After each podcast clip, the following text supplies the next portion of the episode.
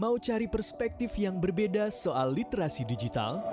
Temukan jawabannya di Cyberkreasi Talks. Menghadirkan para pakar dari jaringan pegiat literasi digital. Cyberkreasi Talks. Hanya di kanal Spotify Cyberkreasi dan YouTube Cyberkreasi.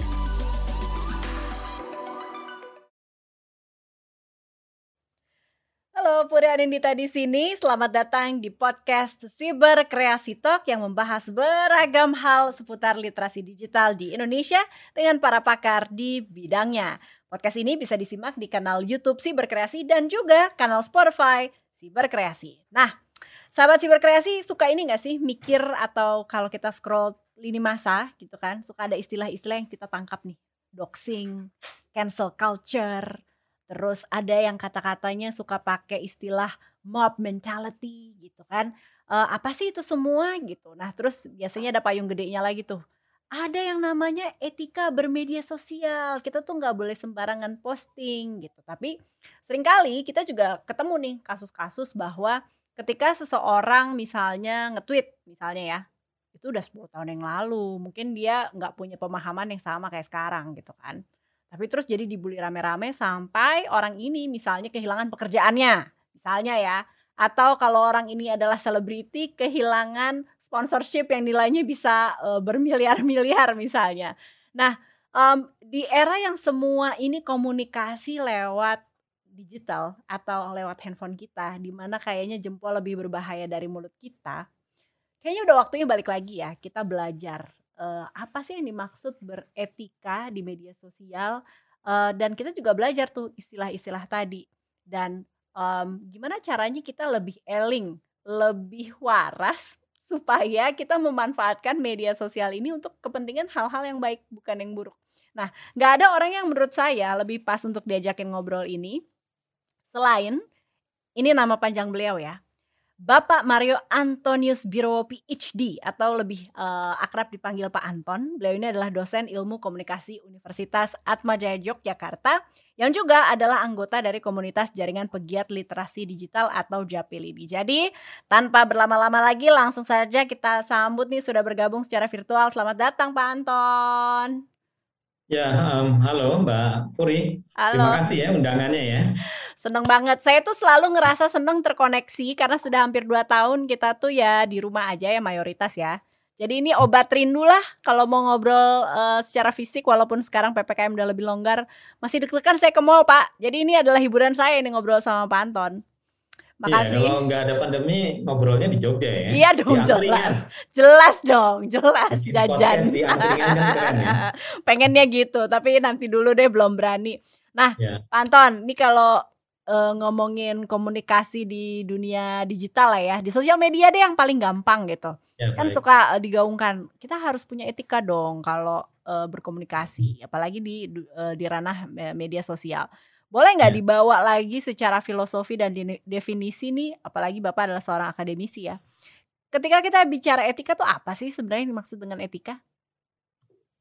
Iya, gampangannya sih kalau etika itu berkaitan dengan bagaimana kita diatur dalam melakukan kegiatan tindakan ya dan pengaturan itu sebenarnya lebih banyak dari dalam diri ya oleh karena itu dalam bentuk internal kalau organisasi biasanya punya etika itu maksudnya pengaturan dari dalam organisasi itu sendiri ya. Itu dibantu untuk ya tujuan-tujuannya adalah ya supaya satu sama lain tidak saling merugikan ya. Dan sesama misalnya mereka yang terlibat di sana mendapatkan keuntungan kesejahteraan dan seterusnya. Kalau ini masuk ke etika komunikasi termasuk kan di media sosial itu kan etika komunikasi ya berkomunikasi dengan orang lain. Ya, itu ya. mereka mereka yang ikut di dalam uh, kegiatan komunikasi itu semua dapat uh, peluang untuk semakin baik, semakin sejahtera dan seterusnya. Gitu. Hmm, Oke. Okay. Ya. Jadi sebenarnya tujuannya adalah biar tidak ada gesekan, tidak ada ketersinggungan. Harapannya kan itu ya, Pak ya. Ya, dan sebenarnya juga uh, kalau kita boleh lihat dasar dari etika itu sendiri untuk komunikasi itu adalah basisnya respect ya, hmm. menghormati orang lain. Ya. Ya, yang satu sama lain lalu menghormati dan Ya, lalu tujuan komunikasi to make a common gitu ya, untuk bikin bareng-bareng itu kecapek gitu ya. Jadi nanti banyak hal yang bisa didiskusin sih kalau di media sosial apa yang tidak disebut sebagai komunikasi kalau saling menjatuhkan uh. misalnya bikin orang lain susah itu namanya bukan berkomunikasi ya misalnya dalam prinsip-prinsip dasar komunikasi. Oke, okay.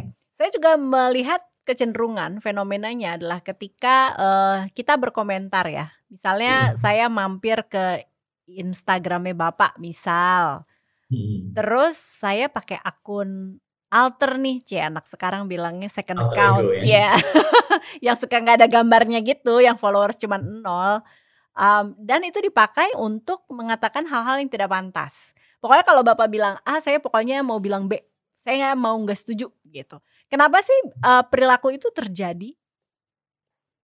Ya, anak-anak sekarang uh, sering kali mengatakan tentang kehadiran individu yang berbeda dengan kenyataan sehari-hari ya, alter ego, menggunakan uh, penyamaran segala macam. Ya.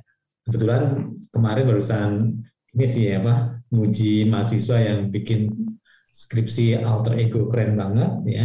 Di sana memang uh, menjadi situasi yang orang-orang yang kayak gitu merasa bebas dan merasa tidak ada hambatan ya. Dan ketika mereka merasa bahwa di dunia nyata itu banyak uh, larangan banyak aturan lalu di sana dia melakukan dengan sebebas-bebasnya. Nah di sini sebenarnya kalau di dalam konteks literasi digital nggak boleh dong.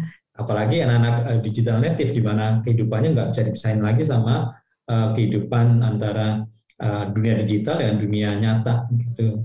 Ya, Dan ya. semuanya ini menjadi bagian. Kalau angkatan saya mungkin waktu lahir nggak ada dunia digital, jadi masuk loh ada bedanya dunia maya gitu ya dengan dunia nyata ya.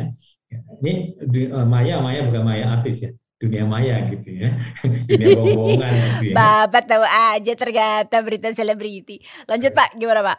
Nah, jadi kalau untuk angkatan-angkatan sekarang mestinya Eh, ketika punya niat-niat uh, buruk dengan menggunakan maupun tidak nampak sepertinya, tapi itu kan pada dasarnya, pada dasarnya maupun tidak nampak oleh uh, pihak yang jadi korban, pada dasarnya itu kan tidak respect karena yang bersangkutan bersembunyi dan punya niat-niat buruk. Ya. Kok kayak gitu mendingan sih nggak usah capek-capek ya ngapain sih mampir ke Instagram saya misalnya kerjaan aja yang lain yang lebih iya, iya. bermanfaat daripada capek pulsanya hilang dan sebagainya. Nah, dan juga sebenarnya. Oh sorry Pak, dipotong ya lanjut Pak, lanjut Pak. Sebenarnya kan juga tidak menjadi sesuatu yang nilai tambah buat yang bersangkutan. Ayo buat apa? Kalau ketemu dengan tipe-tipe saya, walaupun ketemu orang yang dicaci maki, misalnya daya tahan digital saya udah kuat ya kan, nggak nggak pengaruh, nggak nggak ada efeknya. Capek dong kan? Ya, mendingan ya dengan cari sesuatu yang lebih baik ya dalam hal uh, berkaitan dengan berhubungan dengan orang lain. Nah itu etikanya di situ mbak, mbak Puri. Okay, ya, dia okay. mengatur dari dalam, gitu ya. ya. Ya, ya. Walaupun nggak ada yang nonton atau ng ngawasin gitu. Ya, ya. Menarik sekali tadi Bapak bilang daya tahan uh, bermedia sosial. Uh, ya. Itu kan nggak bisa mendadak dibangun ya Pak ya. Mengembangkan itu ketika kita justru jadi orang yang lahir dan besar um, yaitu di dunia yang tidak ada bedanya ya antara digital dengan uh, realita dan yeah. nyata. Uh, Melatih otot itu gimana sih? Eh, daya tahan digital. Daya ya. tahan digital biar nggak baper lah gitu. Ya, uh, dia sendiri kan kemudian harus memahami beberapa kompetensi yang dia miliki ya. Pertama dia tahu bahwa yang namanya di dunia digital itu tidak semuanya uh, baik. Ya. Kedua, ketika dia masuk ke sana, dia akan bertemu dengan berbagai orang sama seperti ketika di dunia nyata ada yang tidak cocok dan cocok ya. Kemudian kemampuan toleransi terhadap perbedaan itu, perbedaan itu ya, itu juga harus dilatih. Sama seperti ketika di dalam kehidupan nyata. Ketika di kelas, di sekolah atau di tempat permainan kan ada perbedaan. Dan kita juga kemudian uh, dilatih untuk mengalami perbedaan itu dan tidak lari, ya mestinya kemudian bahkan bisa beradaptasi satu sama lain. Demikian juga uh, ketika kita paham dengan apa yang Eh, ciri-ciri khas di dunia digital dan tahu bahwa ada kemungkinan ya ada orang yang tidak suka dan tidak cocok, maka yang ngapain uh, kita melakukan apa terjebak dalam baper satu ya. Hmm. Kedua bahwa kita harus tahu bahwa yang namanya diri kita itu, ini psikologis ya, itu ada nilai positifnya bermanfaat. Ya saya ya saya mau diapa-apain ya saya saya tahu bahwa saya bisa berkontribusi whatever ya apa pun kontribusi saya saya berhak untuk bersama-sama orang lain. Jadi jangan terlalu khawatir misalnya ada orang yang nggak suka atau yang kemudian menyebarkan hate speech uh, di dalam uh, apa wall saya ya itu bukan semua orang karena masih banyak orang yang baik juga dengan saya ya. ah. Dan jadi daya tahannya di situ ya, ya. kita punya pandangan positif uh, saya mungkin ada yang nggak suka apa-apa tapi banyak orang Bapak mohon maaf sepertinya koneksinya kurang lancar. Uh, nanti setelah kata-kata yang ya, tadi nggak apa-apa, itu boleh diulang Pak? Ya. ya agak ngedet-det gitu ya. kalau orang Jakarta bilang. Sebentar ya Pak, ini masih ya. unstable nih Pak. Jadi, oke. Mas, masuk pada saat um, soal kalau saya punya uh, persepsi diri uh, positif tentang diri saya, saya bisa paham bahwa dunia ini tidak ideal, ya dunia nyata dan dunia ya, di dunia digital. Maka kalau saya ada yang membenci, ya it's okay, ya. Saya tidak semua orang bisa saya suka buat suka, tetapi toh banyak juga orang yang akan suka dengan saya. Paling penting adalah saya berbuat baik, ya. dan saya punya nilai. Dan ini menjadi kekuatan, termasuk uh, bagi para korban yang dibully, ya, dibully di uh, cyberbullying misalnya itu kekuatan mereka untuk bangkit adalah ketika mereka tahu bahwa saya positif, oke, okay. saya punya teman banyak, oke, okay. ada orang tidak suka, oke. Okay. Apalagi kalau orang itu memang sengaja untuk menjatuhkan saya, maka saya akan uh, blok boleh, akan saya laporkan atau kemudian tidak saya anggap apa-apa. Dia bukanlah orang yang bisa menghancurkan saya. Ya rugi-rugi amat dong, gitu ya. Kalau saya sudah berbuat baik, mengapa kemudian saya khawatir dengan penerimaan orang karena pasti ada banyak orang lain yang juga bisa menerima saya.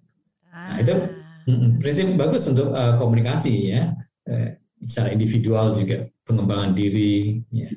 Ini rasa siraman rohani karena ujung-ujungnya adalah perjalanan ke dalam ya Pak ya. Kita nggak bisa meyakinkan orang lain kalau kita nggak bisa nyakinin diri sendiri gitu ya. Banget mbak, banget mbak.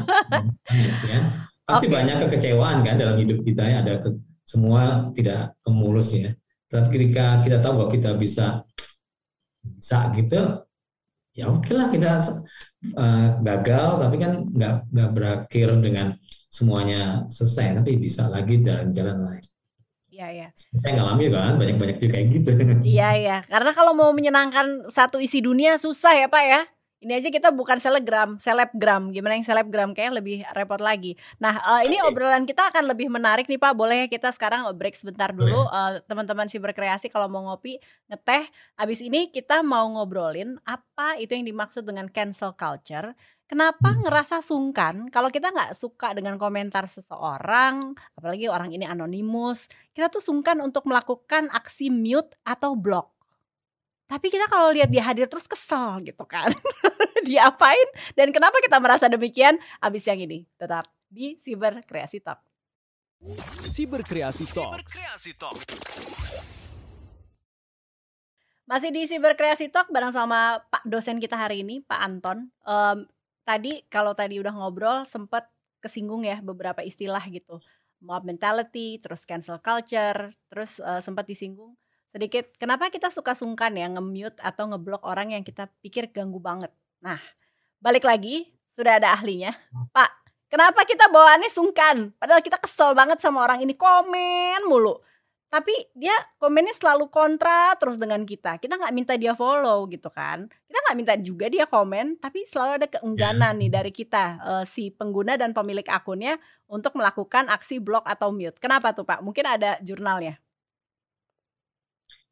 Ya, um, apa yang saya pelajari berkaitan dengan uh, faktor budaya sih ya. Uh, banyak yang membicarakan terutama dalam konteks komunikasi antar budaya. Kalau di kelompok kita, kita kan masyarakat kolektif ya dan masyarakat kolektif itu cenderung untuk mengamankan hubungan dalam konteks harmoni gitu ya, membuat harmoni. Konflik itu paling nggak disukai ya. Termasuk misalnya ngeblok itu akan diketahui oleh orang yang bersangkutan lalu itu akan menimbulkan konflik itu sangat-sangat uh, tidak disukai oleh orang-orang Indonesia. kita mau terus terang, kamu ngapain sih begitu? Kamu berbuat sesuatu yang nggak menyenangkan saya, itu susah. Ya, buat kita kita lebih banyak diam. Yeah. Ya, golden is silent lebih suka gitu. Udah diam aja deh dibanding daripada rusak persahabatan kita gitu. Lebih suka kemudian kita berkorban. Ya, nah, itu sebenarnya juga uh, akan berpengaruh pada tadi pertanyaan tentang penggunaan alter ego, penggunaan identitas palsu ketika di dunia nyata tidak biasa untuk mengutarakan secara verbal, secara langsung, mm-hmm. maka dia mencari jalan untuk ya membebaskan diri dengan kanalisasi tadi. Kebetulan ada media sosial yang memungkinkan untuk itu. Ya. Oh. Tapi kalau kita biasa bicara straight to the point, begitu, dan merasa bahwa apa yang kita katakan itu uh, nothing personal, maka kemudian yang bersangkutan mungkin tidak perlu sampai ke mencari-cari cara untuk menyampaikan sesuatu dengan bersembunyi. Ya. Mungkin akan lebih eh, apa? Ya berkurang lah untuk itu. Nah di masyarakat kolektif tadi kembali ngeblok segala macam ya, itu memang bisa dipahami takut untuk melukai orang lain walaupun dia dilukai. Ya, ya benar. Mulia banget ya. sungkan lebih sungkan. ya begitu. Ya sebenarnya eh, ketika kita ada dalam posisi budaya demikian, memang akhirnya kalau kita melakukan hal-hal yang sebenarnya sangat biasa dianjurkan di berbagai apa uh, apa trik, ya, tips gitu ya dalam berhubungan di media sosial, kalau nggak suka blok aja. Itu gampang diucapkan tapi nggak nggak mudah untuk dilakukan untuk kultur budaya kita. Ah. aja. Coba misalnya Mbak Puri misalnya ada nggak suka dengan sahabat atau dengan um, saudara gitu ya yang ngomongnya nyaketin terus begitu di blok itu urusannya adalah ya kepanjangan ya nanti dibahas di kumpul keluarga soalnya pak oh, iya, iya. tapi enggak ini artinya kan masukan ketika kita mau iya. jadi pribadi yang um, lebih ringan hatinya itu harusnya berani membicarakan hal-hal yang tidak nyaman dengan cara yang baik kan gitu kan uh. Poin, gitu. Poinnya. Jadi ya, ya. tadi saya uh, menjelaskan mengapa kita sungkan. Nah, maka diharapkan kalau kita juga menghormati diri kita, ya, maka penting juga untuk menyampaikan sesuatu yang orang lain berbuat yang kemungkinan dia nggak tahu bahwa itu adalah sesuatu yang bisa menyakiti orang lain. Ya. Okay. Kan ada kan dia yeah. dia tidak sadar dengan sesuatu yang dia lakukan kalau itu melakukan sesuatu yang salah, Benar. maka perlu koreksi juga. Ya. Nah, kedewasaan. Hmm. Kalau bicara koreksi, ini suka ada juga nih koreksi massal nih ya dari netizen. Uh, utamanya pada profil-profil yang sudah dikenal. Jadi misalnya dia nge-tweet uh, 10 tahun yang lalu dia berkata kasar atau uh, sumpah serapah uh, menggunakan kata yang nggak pantas pada perempuan misalnya gitu kan. Terus hadir nih uh, entah entah akun-akun mana terus yang wah dia 10 tahun lagi, lalu bilang begini masa sih brand ini masih mau pakai dia sebagai bintangnya pandangan Bapak gimana soal soal uh, kasus-kasus yang seperti ini? Pertama ya bahwa uh, apalagi dalam situasi yang sekarang ini dunia digital itu kita akan meninggalkan jejak-jejak sejarah. jejak kita ya dalam yeah. kehidupan kita banget ya. Kalau dalam zaman dulu kita buat dalam bentuk CV yang rapi gitu ya. Tapi dalam zaman sekarang CV itu udah nggak satu-satunya. Jejak digital kita itu penting. Nah, konsekuensinya memang akhirnya sampai pada situasi 10 tahun yang lalu perbuatan kita bisa saja dibukit-bukit.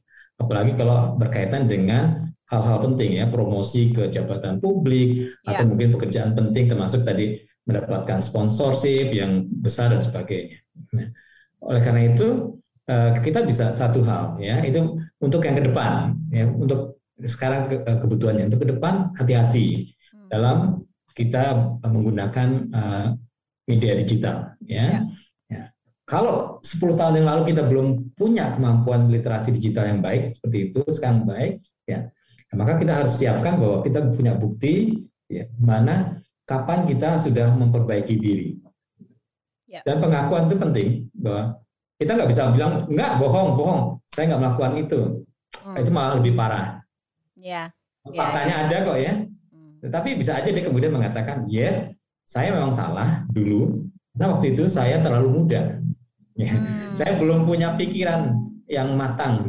Ya. Saya sekarang, tapi saya sejak tahun berapa, ketika saya mendapatkan ya uh, pendidikan, mendapatkan sosialisasi tentang bagaimana bersikap baik di dunia digital, maka pelan-pelan saya memperbaiki diri. Boleh dicek sekarang ya, jejak digital saya sejak beberapa tahun yang lalu ada perubahan yang sangat banyak. Dan saya sudah siap untuk memperbaiki diri. Sekarang adalah menghubungi saya karena saya adalah sosok yang positif yang Anda kenal. Ya. Kalau dulu saya punya masalah, siapa orang yang nggak punya masalah? Iya, iya, iya, iya, iya. Dia pikir ketika saya bilang dia tuh artinya um, netizen yang mayoritas anonimus ya. Mereka pikir personality itu tidak bisa berubah, pola pikir tidak bisa berubah, karakter tidak bisa berubah ya. Nah, uh, boleh sedikit saja nih Pak sebelum kita tutup nih. Uh, kita tinggal di Indonesia yang punya UU ITE dengan ya. segala kontroversinya yang diulas di media massa. Tapi yang penting kan kita mau jadi warga negara yang taat hukum. Jadi apa ya. nih yang perlu kita uh, garis bawahi jadi rambu-rambu supaya kita nggak kepleset jadi masuk ke ranah hukum yang nggak perlu? Ya sering kali dalam diskusi ini juga ditanyakan ya dan lalu ada kekhawatiran, aduh nanti berarti kalau saya masuk ke dalam uh, dunia digital banyak sekali ya masalah dan kemungkinan saya akan kena masalah yang berat termasuk undang-undang ITE. Lalu gimana dong? Apakah saya tidak perlu uh, masuk ke dalam dunia digital? Hmm, enggak, saya bilang enggak, bukan begitu.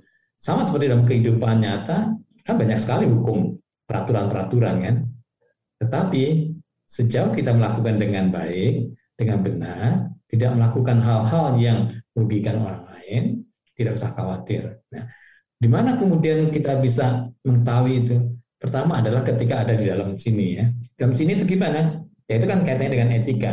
Norma-norma nilai-nilai yang sudah mendapatkan apa sosialisasi dari orang lain dan kita pahami bahwa ini tidak akan merugikan orang lain, ya kita bersikap biasa aja. Ya. No, no worries, ya nggak usah khawatir bahwa undang-undang itu adalah dalam rangka melindungi kita. Oke. Okay. Undang-undang itu dalam rangka melindungi kita. Saya melihatnya begitu, begitu sih daripada kemudian mengancam kita, tapi melindungi kita sejauh kita memiliki etika berkomunikasi yang baik, termasuk etika bermedia sosial, jangan khawatir. Saya suka begitu supaya eh, anak-anak uh, zaman sekarang yang memang ini dunianya yang harus dia ambil sebanyak-banyaknya secara bagus di dunia digital, jangan lari, jangan kemudian mengurungkan diri atau kemudian mundur jauh ke belakang. Enggak, zamannya ambil yang paling baik secara positif karena itu dunia Anda. Dunia yes. Anda. Oke Pak, kasih dong recap tiga skill penting yang harus kita kuasai demi eling bermedia sosial. Sebagai penutup boleh Pak? Satu ya, uh, kontrol diri. Oke, kemudian kedua ya, jangan emosi pada saat menggunakan media sosial. Ketiga, berbuat baik bagi orang lain. Yes. Terima kasih sekali Pak Anton. Gimana? masuk semuanya ya. Jadi uh, kalau sudah ada aura-aura negatif mungkin yang sering komen-komen uh, nggak enak di uh, ranah kita, kita punya loh power, ya nggak Pak? Kita punya power ya untuk uh. melindungi ranah kita sendiri di dunia yeah, ya. digital. Yeah. Sambil juga kita juga pengennya nggak berbuat masalah dan nggak menebarkan hal-hal negatif dong di ranah digital yang tentunya jejaknya akan terus bisa ya, terbaca selama. Kita kan sebenarnya bertanggung jawab untuk membangun atmosfer di lingkungan kita, kan? Ya. Kayak kita bertetangga gitu juga kan ya kita bisa membangun dengan teman segala macam. Kalau kita kita maka saya bilang kita bukan saya. Kita itu menandakan kita semua gitu. Ya, maka pasti membuat dunia digitalnya juga nyaman. Yes. Seperti kita bertetangga dengan nyaman juga. Benar. Ya. Kalau pengen bertetangga nyaman, maka jadilah tetangga yang menyenangkan, jangan yang nyebelin gitu. Kan yang suka nyolong mangga orang. Minta izin dulu, ntar juga pasti dikasih mangganya ya nggak sih, ya kan? Pak Anton, terima kasih banyak sudah ngobrol sama saya dan juga teman-teman si berkreasi.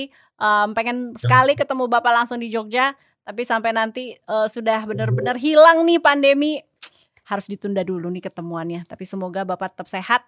Salam untuk teman-teman Atma Jaya. Sampai ketemu lagi ya Pak ya. Mudah-mudahan ada kesempatan lain. Terima kasih Mbak Puri ya. Sampai ketemu di Jogja.